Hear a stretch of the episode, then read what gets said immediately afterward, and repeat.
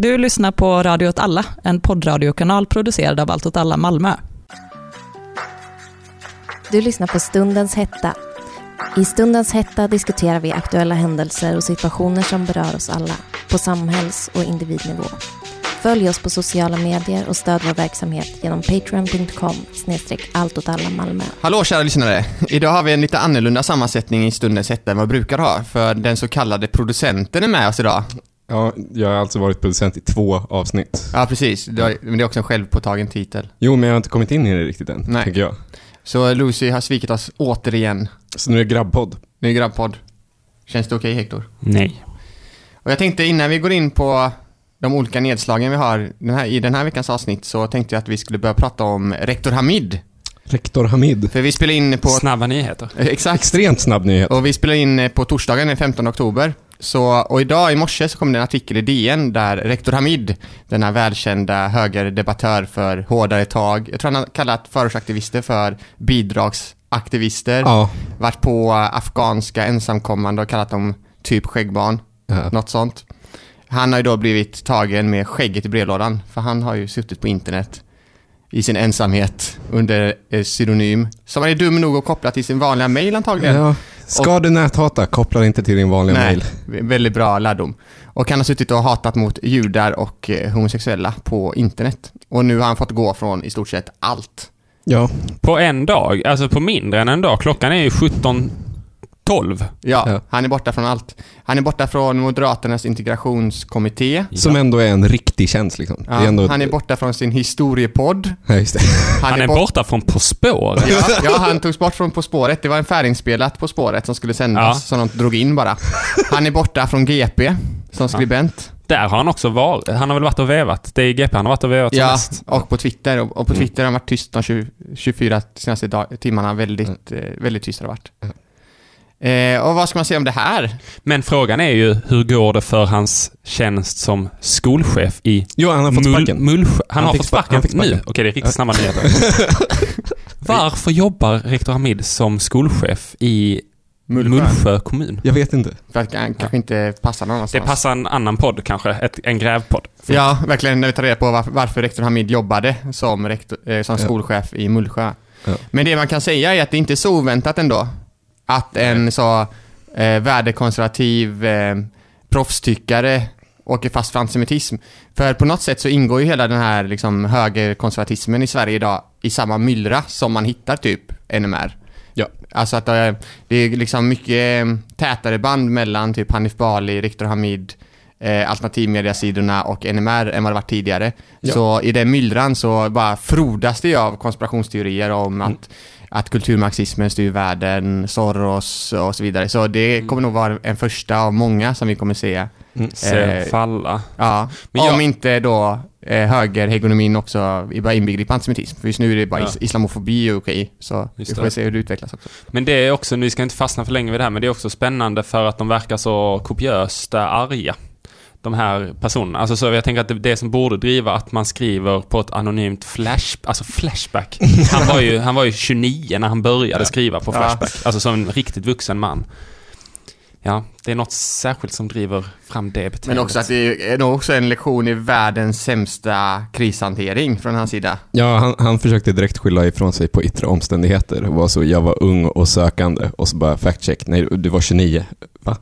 Och sen, och jag hängde i vänsterkretsar. Och man bara, gjorde du det verkligen? Jag hängde i vänsterkretsar, så därför skrev jag på nationell.nu. Den helt rimliga Också så, konsekvensen av att hänga i vänsterkretsar. det gjorde han väl inte ens? Ja, skitsamma. Ja, men med de orden så kan vi gå över till eh, den här avsnittets olika teman. I söndags var det partiledardebatt i Sverige Ja, det var det. mellan våra olika kära partiledare. Och det Ja. var ju väldigt mycket tjafs. Jag Som det tittade brukar inte. Jag brukar alltid titta. Nej men det var som vanligt, Jag någon tittar inte skrek heller. om någonting, någon annan skrek om något helt annat och så var de här SVT-reportrarna som skulle vara lite smarta, så ställde de så här dumma frågor. Och så sa Jimmie Åkesson något rasistiskt och så sa Miljöpartiet någonting som inte spelar någon roll och så håller det på så. Sen så Ebba Busch Thor att en elbil kostade en och en halv miljon. Ja, precis. Och att hon hade blivit politiskt aktiv för de äldre. Bullshit. Men i alla fall. Eh, det var också ett annan grej som skulle komma fram under den här käbbel... Två timmar käbbel är det faktiskt. Oj. Helt sjukt. Två timmar. på bästa sändningstid på SVT. Hur, Söndag lagt, klockan 20 kan inte vara bästa det är sändningstid. ändå ganska bra sändningstid. Bra Vad sändningstid. är egentligen Det är bästa typ sändningstid? partiledardebatten är enda argumentet till att lägga ner public service som jag kan hitta. Men skitsamma. Du, du vill ha mer så SVT-edit, eh, mer så... Hellre det alltså. Mer så halvdåliga humorsatsningar, bara de lägger ner partiledardebatten. Ja, det, det är en jävligt kontroversiell Men åsikt. i alla fall, då skulle ju, eh, förra veckan, för två veckor sedan så pratade vi om LAS-förhandlingarna och att de hade gått i stå och att Vänsterpartiet hotade med eh, att eh, misstroendeförklaring mot regeringen. Eh, och på söndag så skulle det ju liksom komma upp, då skulle sossarna ge svar på tal och Sjöstedt skulle säga vad han ville och så. Det är så, ingen sa det ju rakt ut egentligen, hur det skulle bli. Men, eh, på debatten. Men eh, då var det ändå som att eh, sossarna sa, vi tar tillbaka det här till ritbordet, vi måste låta parterna komma överens. Mm. Och av en slump, igår, så eh, gick facken ut, eller LO ut och sa, vi återtar förhandlingarna. De börjar idag. Så idag, torsdag den 15, så sitter några LO-gubbar och Svenskt Näringsliv och förhandlar om LAS. Är alla LO-förbund med? Nej, det är det här som är det spännande. Eh, ah, innan vi kommer till di- dit så kan man ju säga att, då att eh, precis som valet 2018, om man minns, när alla, val, när alla partier egentligen förlorade valet, så sa ju alla att de var vinnare. Och det är lite samma situation nu, för nu kan Vänsterpartiet säga vi tvingade regeringen att backa från lagförslaget. Sossarna kan säga vi fick parterna att börja samtala igen. C och L kan säga vi har, vi, vi har hela tiden velat ha att parterna förhandlade lagförslaget var ifall de inte skulle komma överens. M och KD kan säga vi var redo att fälla regeringen men Vänsterpartiet backade. Så alla är vinnare nu igen. Fantastiskt för svensk politik. Det är så jävla konstigt i svensk politik att alla alltid ser sig själv som vinnare. Mm. Det är väldigt konstigt. Det kanske är en egen podd nästan. Ja. Vinnar, vinnarpodden. Ja, Ja. Jag vill snabbt bara säga, det, det är verkligen så eh, postpolitik. Det, Ja, det är helt verkligen. jävla galet. Det är också så, inget parti, ingenting kommer hända förrän någon erkänner för sig själv att så, fan det går inte så jävla bra ändå. Men då kommer vi till LO då. Och då har det ju framkommit att det var dels varit lite hemliga samtal mellan Svenskt Näringsliv och delar av LOs eh, styrelse. Eh, så ett antal fack, väldigt tunga fack eh, och förbund har, eller förbund i LO har sagt nej till, eh, till att fortsätta förhandlingarna. Det är eh, eh, Seko, Byggnads, Transport, Fastighets, Målarna och Pappers har sagt att eh, nej, vi vill inte att det här ska gå en gång till för lagförslaget finns ju fortfarande på bordet så det är fortfarande ett dåligt förhandlingsläge. Vad som kommer hända vet vi inte men det är ju, som vi sa tidigare så är det ganska intressant att det är någon form av mobilisering internt i LO nu också Mm. på lite högre nivå emot förhandlingarna. Mm. Och att den här splittringen mellan LOs eh, socialdemokratiska partifraktion kan man säga Mm. och eh, de som vill sina arbetstagares väl. att den konflikten blir liksom större och större. Mm. Så det här är någonting att hålla ögonen på. Och antagligen så hoppas ju sossarna nu då och LOs ledning och Vänsterpartiet att det ska komma en deal ikväll. Men som precis som de här förbunden som inte vill att förhandlingarna ska återupptas säger så ligger ju lagförslaget fortfarande på bordet. Ingen har sagt att det är borta. Så förhandlingsläget är uruselt. Men det kan ju bli så att LO kan gå därifrån och säga Ja, vi lyckades förändra, eller vi lyckades, de lyckades inte få igenom den här as, as, as, as, askassa turordningsregeln. Men däremot så, så fick de den här lite halvkassa turordningsregeln. Och det är väl det troligaste scenariet, för då är ju alla parter lugna. Och så kan liksom regeringen fortsätta regera. Eh, LO kan säga att de inte vek sig, Svenskt Näringsliv fick en bra deal. Mm. Eh, Men- och de slipper eh, en eh, politiskt framtagen lag kring LAS. Mm. Men det, det finns inga tecken på att det som kan hända är att typ LO bryter ihop. Alltså det, är- det är alltid det man hoppas på va? Ja. Men eh, det händer ju aldrig. Nej.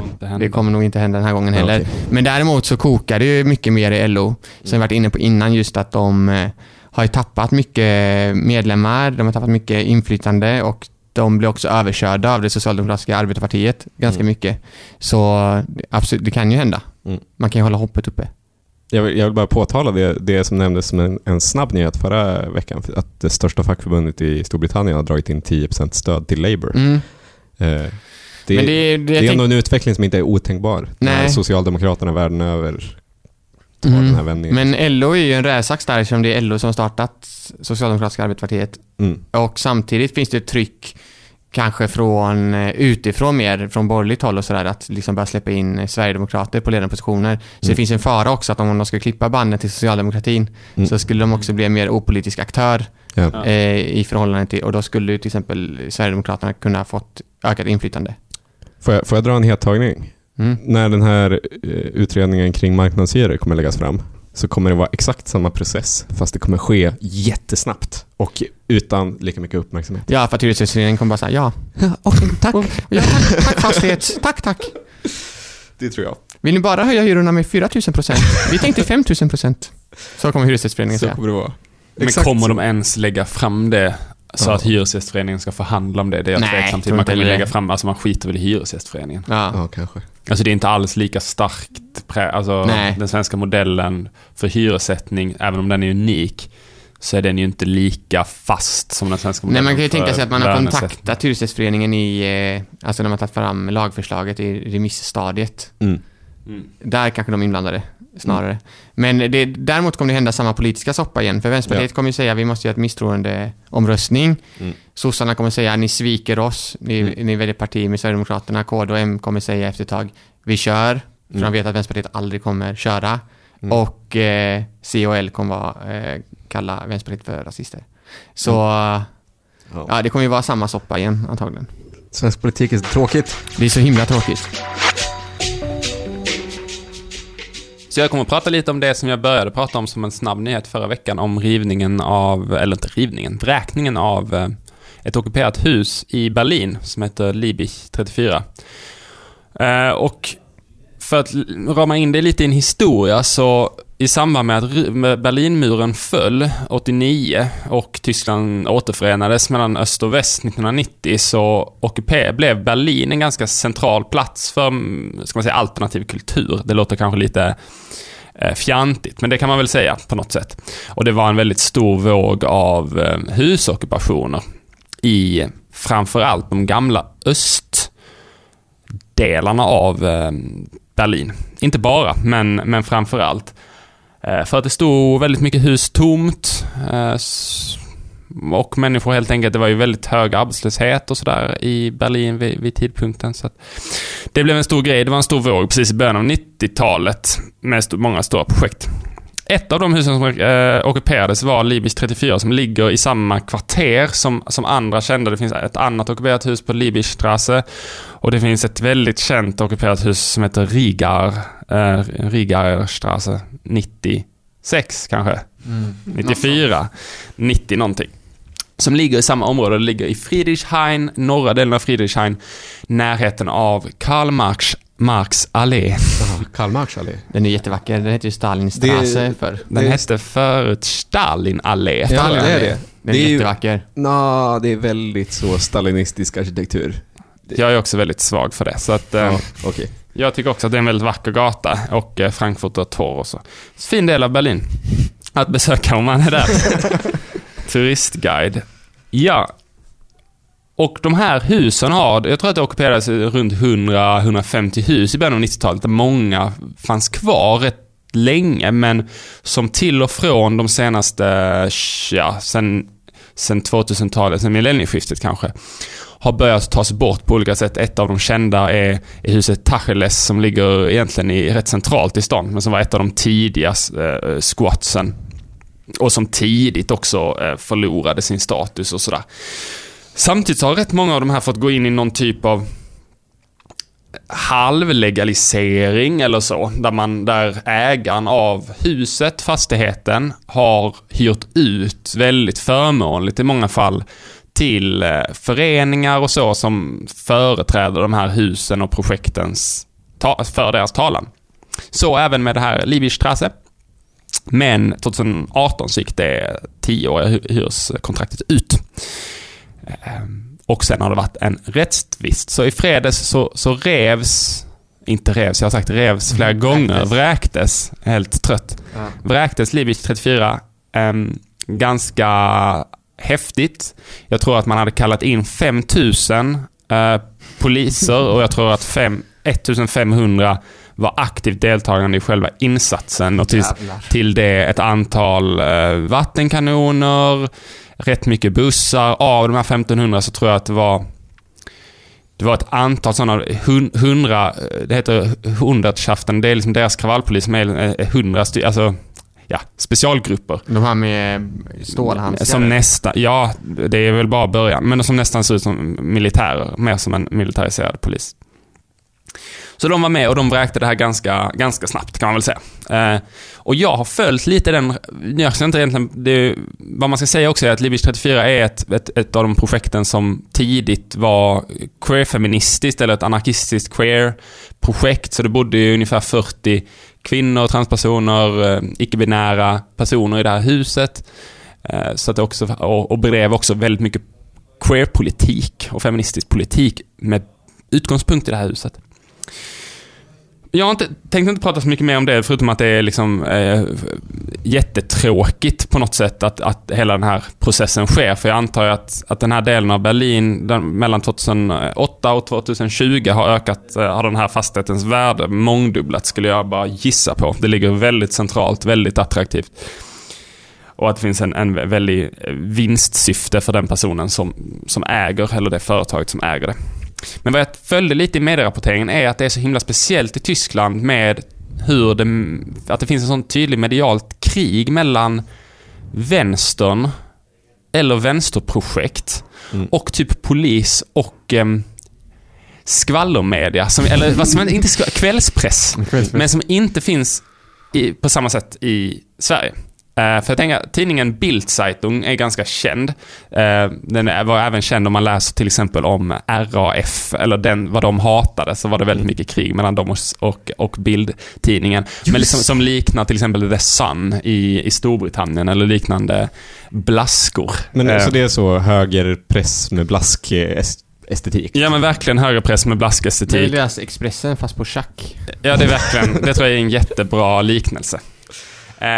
Så jag kollade lite vad som hade hänt där och att liksom polisen är med på något hörna. För att vad polisen gör det är att de vräker ju den här och de leder, de har byggt någon typ av stege som de ställer dit på morgonen. Lite liknande sådana här när man, när man rev, eller vräkte, rev igen, vräkte eh, ockuperade hus i Sverige med hjälp av containrar. Mm, eh, så, de hade någon sån, ja exakt. Man körde upp en container, sen sköt man in tårgas ja. och så gick man in och plockade ut de här icke-vållarna. Så det var lite så kan man väl säga de gjorde, att de byggde någon typ av liksom större steganordning och sen så gick de in via plan två eller tre. Mm. Och liksom när de är klara med det här, så också så som tysk polis är, vilket är helt vansinnigt. Bara i år så har det avslöjats flera så rejält högerextrema terrornätverk inne i polisen. Det är så jävla scary alltså. Eh, alltså så tungt beväpnade med eh, hög Eh, vapenkännedom. Mm. Som är så, nej vi ska ju starta ett, ett krig mot, mot staten här. men i alla fall, då tar, då tar ett stort gäng av de här polisen, stort gäng, men ett gäng av de här polisen liksom selfies på sig själva framför, eh, framför um, Libich, alltså framför huset, framför fastigheten och smilar liksom i sina rånarluvor. Uh, och sen vad man gör, det är att polisen tillsammans med fotografer och journalister från bildtidningen släpper in folk i fastigheten. Va? när man har liksom öppnat upp och det, de har ju barrikaderat sig. De har ju förberett, de har ju vetat att de skulle ut i två år. Mm. Så de har ju byggt liksom olika typer av fällor och, och allt vad man kan tänka sig liksom. Eh, eller vad, då, vad polisen säger är det. Vissa, vissa, vissa av det är väl liksom sant att man försökt barrikadera sig. Vissa är nog bara att polisen feltolkar vissa anordningar för att så, ja, vad man har gjort. Jag vet inte. Men då släpper man in dem och sen tar man liksom bilder på, eh, på folks hem. Eller det är ju ett, ett, ett nyligen vräkt hem. Ja. Eh, som man går in och tar bilder på med de här liksom militärklädda poliserna i princip. Och den här liksom, liksom jag vet inte, skeva journalisten från bild som ser ut som, jag vet inte, som en sån riktig kille som skulle kunna jobba för, jag vet inte. Ja, bara, typ bara där. En sån, ja, gud. Flash, apropå Flashback typ. Kille från Flashback. Eh, nedsläppt i, i Berlin. Och att det är så himla, att jag tyckte det var så speciellt i hur man rapporterar om just det här projektet som lite nästan liksom, jag tyckte att det fanns en, en uns av att det var sjukligt. Alltså hur man porträtterade att här har människor bott i misär och i källaren fanns det jättemycket skräp. Mm. Som man ju så kan tänka sig att det finns om man vet att huset ska rivas om några år så kan man inte palla åka till soptippen. Jag kan fatta det. Um, och så. Men att man porträtterar det som så sjukt att vilja göra någonting som är bortanför det är liksom helt vanliga. Om mm. ni förstår vad jag menar. Ja. Det är liksom en liten slapp spaning kanske, men, men jag tyckte det blev så tydligt det här att man vill ha en väldigt strömlinjeformad stad. Och när man tänker på Berlin framförallt, och det tror jag alla personer som har varit i Berlin och som har varit lite i de här delarna av Berlin och kanske även så besökt olika vänsterprojekt och knappt ens det, men att det också är lite det man gillar med den stan, att det är ett litet, eh, det är ett litet Lattjo liksom som har fått leva kvar, att det är en jättestor stad där allting finns, men det finns också utrymme för, för de här typerna av projekt. Mm. Som i allt, all, i allt högre grad antingen så ramas in eh, i turism till exempel. Alltså till exempel som Tacheles eller eh, vissa andra sådana projekt. Att det blir en, en turistattraktion där man sitter... Är det så? Ja, det, finns bland annat ett, eh, ja, vi behöver inte gå in på det, men, men, en del som är liksom så... Fascinerande. Jag har någon gång varit på något sånt ställe och där liksom kommer in så här eh, ja, men så backpackerturister och så liksom tar bilder inne på en wow. innergård och så när folk sitter och bara lever sina liv. Och det är helt okej, okay, men, men och även Tacheles och så blev ju en typ av turistattraktion. Väldigt centralt. Men framför allt att de, att de förstörs, att de vräks, sedermera rivs eller renoveras, oftast rivs eh, och by, bebyggs med annan bebyggelse. Men att det är verkligen det man har gillat, att det är en stad som inte är så strömlinjeformad och som inte är glasrutor och eh, stelbenthet, utan att man, det också finns utrymme för att liksom vara annorlunda. Och sen kanske inte jag hade velat bo i ett ockuperat hus i Berlin. Det är inte det jag säger heller. Men jag kan tycka att det finns något väldigt konstigt i när man behandlar folk som bara vill göra det som att de är he- alltså som att det är helt, som att det är sjukligt. Mm. Man blir också lite, jag älskar ju städer. Man älskar ju städer. Och man älskar ju städer just på grund av att det finns i städer jämfört med andra platser så finns det liksom en, en mängd olika mänskliga aktiviteter och liksom liv som försiggår som inte riktigt kan styras och det händer massa grejer. Mm. Men det känns verkligen som att att Berlin är en av de sista så här storstadsutposterna för mm. det. Att liksom, om man kollar, om man typ London mm. eller Oslo eller ja, Stockholm för inte den delen, eller London, ja. eller sa redan London. Paris. Barcelona. Rom, alltså alla de här städerna är ju mm. bara antingen så Porsche, Porsche, Porsche betong och glas eller så inkapslade gamla städer liksom mm. där det är mm. turismströmmar bara som går liksom upp och ner på gatan. Ibland står skyltar som inte ska gå i, i, samma riktning liksom. Men det påminner ju också väldigt mycket om Sorgenfri-lägret i Malmö. Eller den mediadimensionen av det. Precis, det jag tänkte faktiskt på det och det glömde jag säga. Men verkligen, tack för att du påminner. Det var exakt mm. det jag tänkte också. Hur man framställer liksom, också så vi behöver riva, vi behöver vräka de här boende för att det är en sanitär olägenhet. Mm. Så det är det ju inte att diska ganska sällan. Om det nu är så att det var. Eller så här, herregud, det bestämmer ju folk lite själva. Och, eh, men verkligen som jag sa i friläget också, att man pratade om det bara som ett, som ett hygieniskt problem. Och att det mm. finns något väldigt djupt avhumaniserande i det språket. Alltså mm. så som bildtidningen nu eh, till exempel porträtterade det här. Det finns något liksom att behandla det här som människor som inte kan ta hand om sig själva. Och att det är väl en taktik för att göra det, deras projekt totalt icke-politiskt. Mm. Att säga att det här är ju inte människor som sysslar med politik på ett seriöst sätt. Det är människor som behöver tas om hand. Vi behöver hjälpa dem genom att göra dem hemlösa. Mm. Sjuk, sjuk, sjuka samband. Ja. Eller så här, hur saker ska lösas. Men, eh, men verkligen. Mm. I Sorgenfri-läget var det också en stor grej just så. Ja. De kastar inte sina sopor på rätt sätt och man bara... Ett, de eh, eh, tänker att de imorgon kan mm. komma 300 snutar och plocka dem. Två, vad fan ska de göra? Mm. De har ingen sopsortering. de bor på en öde tomt.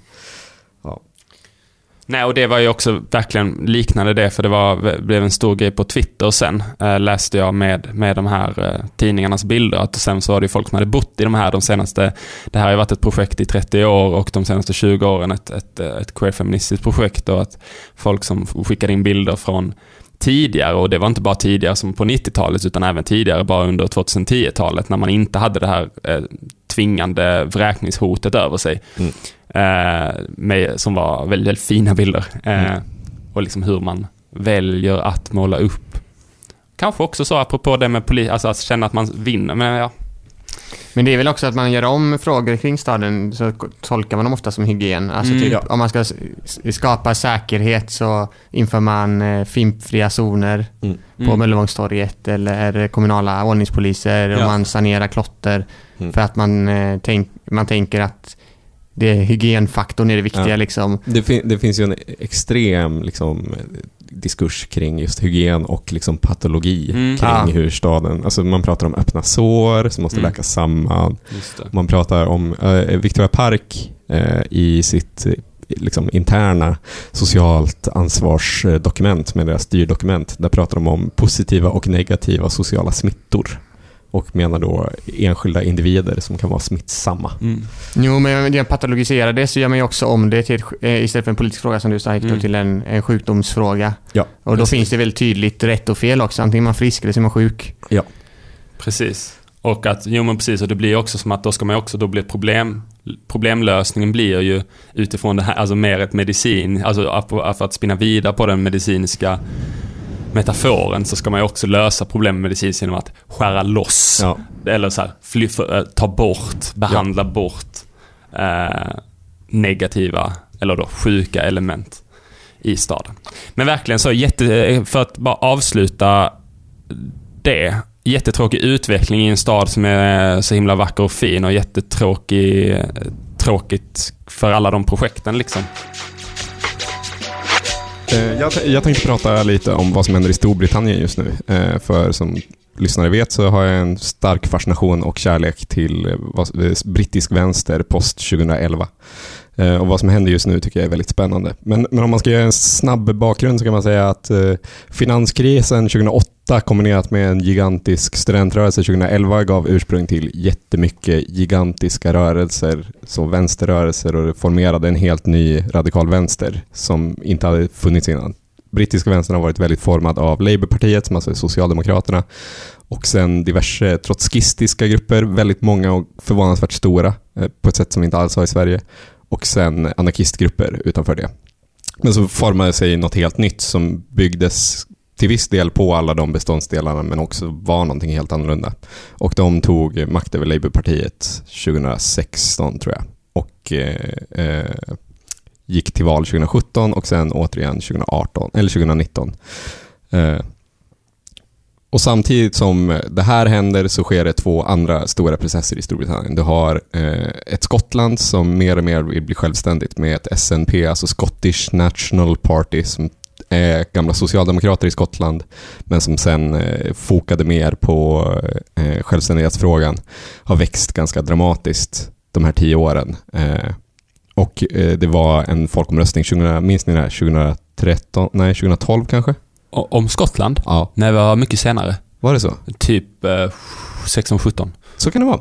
Eh, skitsamma. Men det är ändå en av de här grejerna som händer. Och samtidigt som det händer så har det också Brexit. Eh, så det är mycket saker som är i rörelse. Och i, och i Brexit-frågan, så, när var det? 14 var det. 2014. 2014. Så vi är, det var mitt emellan våra gissningar. Eh, men, men samtidigt som det händer så händer alltså Brexit. Och, och Brexit är en väldigt svår fråga. Om, liksom, det, det, det, det är väldigt lätt för en som individ. Om man, om man tycker att ens land borde lämna EU eller inte är en enkel fråga för en själv. Men om man rör sig i kollektiva sammanhang så blir det väldigt mycket mer krångligt för folk tycker olika. Så för Labourpartiet blev det ett stort problem för att eh, även om en stor del av deras väljare inte ville, eh, eller ville lämna EU så ville inte partimedlemmarna. Och i Skottland samtidigt så sker det en lite annan process där ingen vill lämna EU i stort sett. Så Brexit-frågan har blivit en väldigt enande fråga i eh, eh, Skottland men också till viss del Wales men också till stor del Nordirland. Att, att de som bor utanför England, de vill vara kvar i eh, EU. Så vad är det som händer nu? Om vi, om vi har det som bakgrund, så det som händer just nu är att om man tittar på opinionsmätningar i Skottland så ser man att eh, stödet för en självständ, ett självständigt Skottland har aldrig varit så stort som det är just nu. Det Histor- beror väl på att eh, Brexit-sidan vann. Ja, och att det verkar som att, eller det är en kombination av saker. Det, det är ju att vi, det är en hög chans att vi går mot en så kallad no deal Brexit, som alltså är en Brexit utan ett avtal med EU, där det blir mycket hårdare gränser och allting blir generellt mycket hårdare. Det blir en hårdare Brexit. Liksom.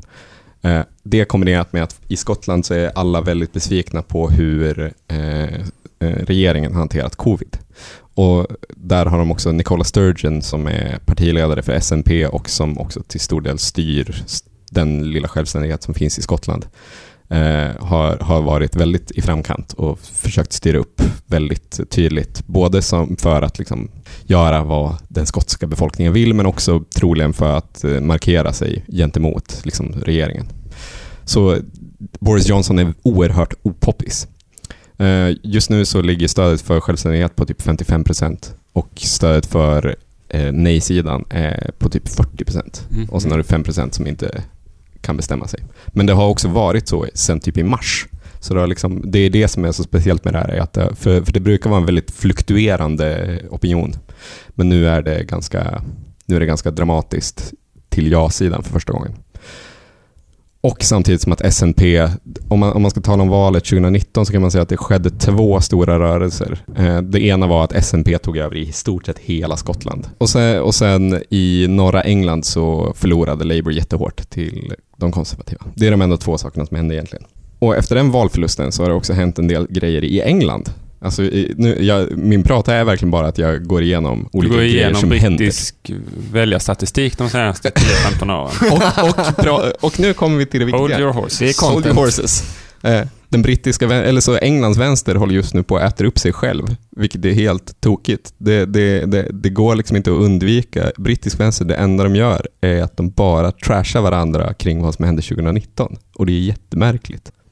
Men, men, eh, och de här två de här liksom lägren är väldigt spännande att försöka förstå gentemot varandra. För du har den här Brexit, eh, hård Brexit-lägret som typ skriver ut sig själva, eh, skriver ut hela rörelsen ur historien, utan bara pratar om så. Men en, bra, en Brexit var, var det folk ville ha och bara totalt struntar i att ingen i partiet faktiskt ville driva det och helt skriver bort den här rörelsen av liksom generation left-ungdomar som definitivt var emot en Brexit. Och sen har du den här motsatta sidan som är för, ville ha en ännu mer mindre lös Brexit, eller ville, ville bara skita i Brexit som eh, nu är så... Problemet var att vi hade så mycket stalinister i partiet. och det är bara så, va? Det fanns inga stalinister i partiet. Så det, det är, eh, jag tycker att man om, man, om man följer brittisk politik just nu så är det verkligen en känsla av att eh, när man förlorar så ska man fan passa sig. Alltså. Eh, passa sig sjukt noga för att börja skylla på folk. Skyll alltid på dig själv när du har förlorat. Liksom. Det, det är kul också att ingen av dem bara kommer till den rimliga slutsatsen att en lösning hade kunnat vara då man bara är så vi kanske inte gillar Brexit, men nu har ju folk röstat för Brexit. Ja, det är ju en rimlig tagning, såklart. såklart.